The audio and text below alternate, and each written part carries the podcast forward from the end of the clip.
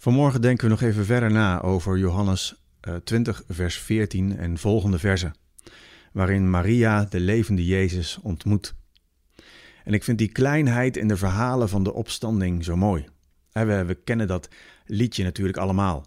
Hij kwam bij ons heel gewoon, de Zoon van God als mensenzoon. En hier zou je haast kunnen zingen: Hij stond op heel gewoon, of hij verrees heel gewoon, de Zoon van God als mensenzoon.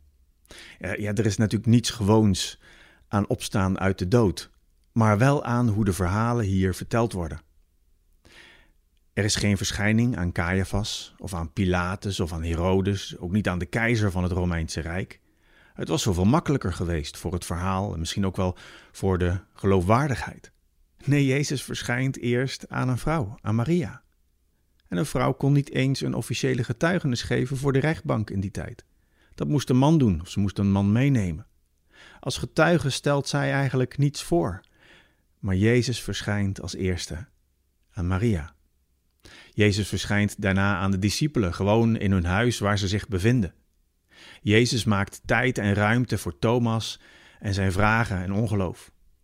Jezus wandelt mee met twee verslagen gelovigen naar Emmaus. Jezus verschijnt aan het meer van Tiberias om Petrus weer bij de club te trekken, in ere te herstellen. Het is, het is allemaal heel eenvoudig, het is klein, het is haast onbeduidend. En het lijkt op de verhalen die we kennen aan het begin van Jezus' leven, de verhalen van de herders en de wijzen. Maar de verhalen zijn gericht op zijn kudde, zijn schapen, en hij kent hun naam. Het koninkrijk, het licht van God door de opgestane Jezus, komt het eerst bij gewone mensen. Mensen die het nodig hebben om overtuigd te worden. Mensen die het nodig hebben dat hun naam genoemd wordt. Mensen die vol zitten van twijfel, ongeloof en pijn. Mensen die het nodig hebben om Jezus aan te raken en te voelen dat Hij leeft. Mensen die het nodig hebben om te horen dat ze ertoe doen. En Jezus neemt die dagen tijd voor zijn volgelingen, voor zijn schapen. En juist die kleine aandacht brengt een regelrechte ontploffing in het geloofsleven teweeg van deze discipelen. Hun leven staat op zijn kop.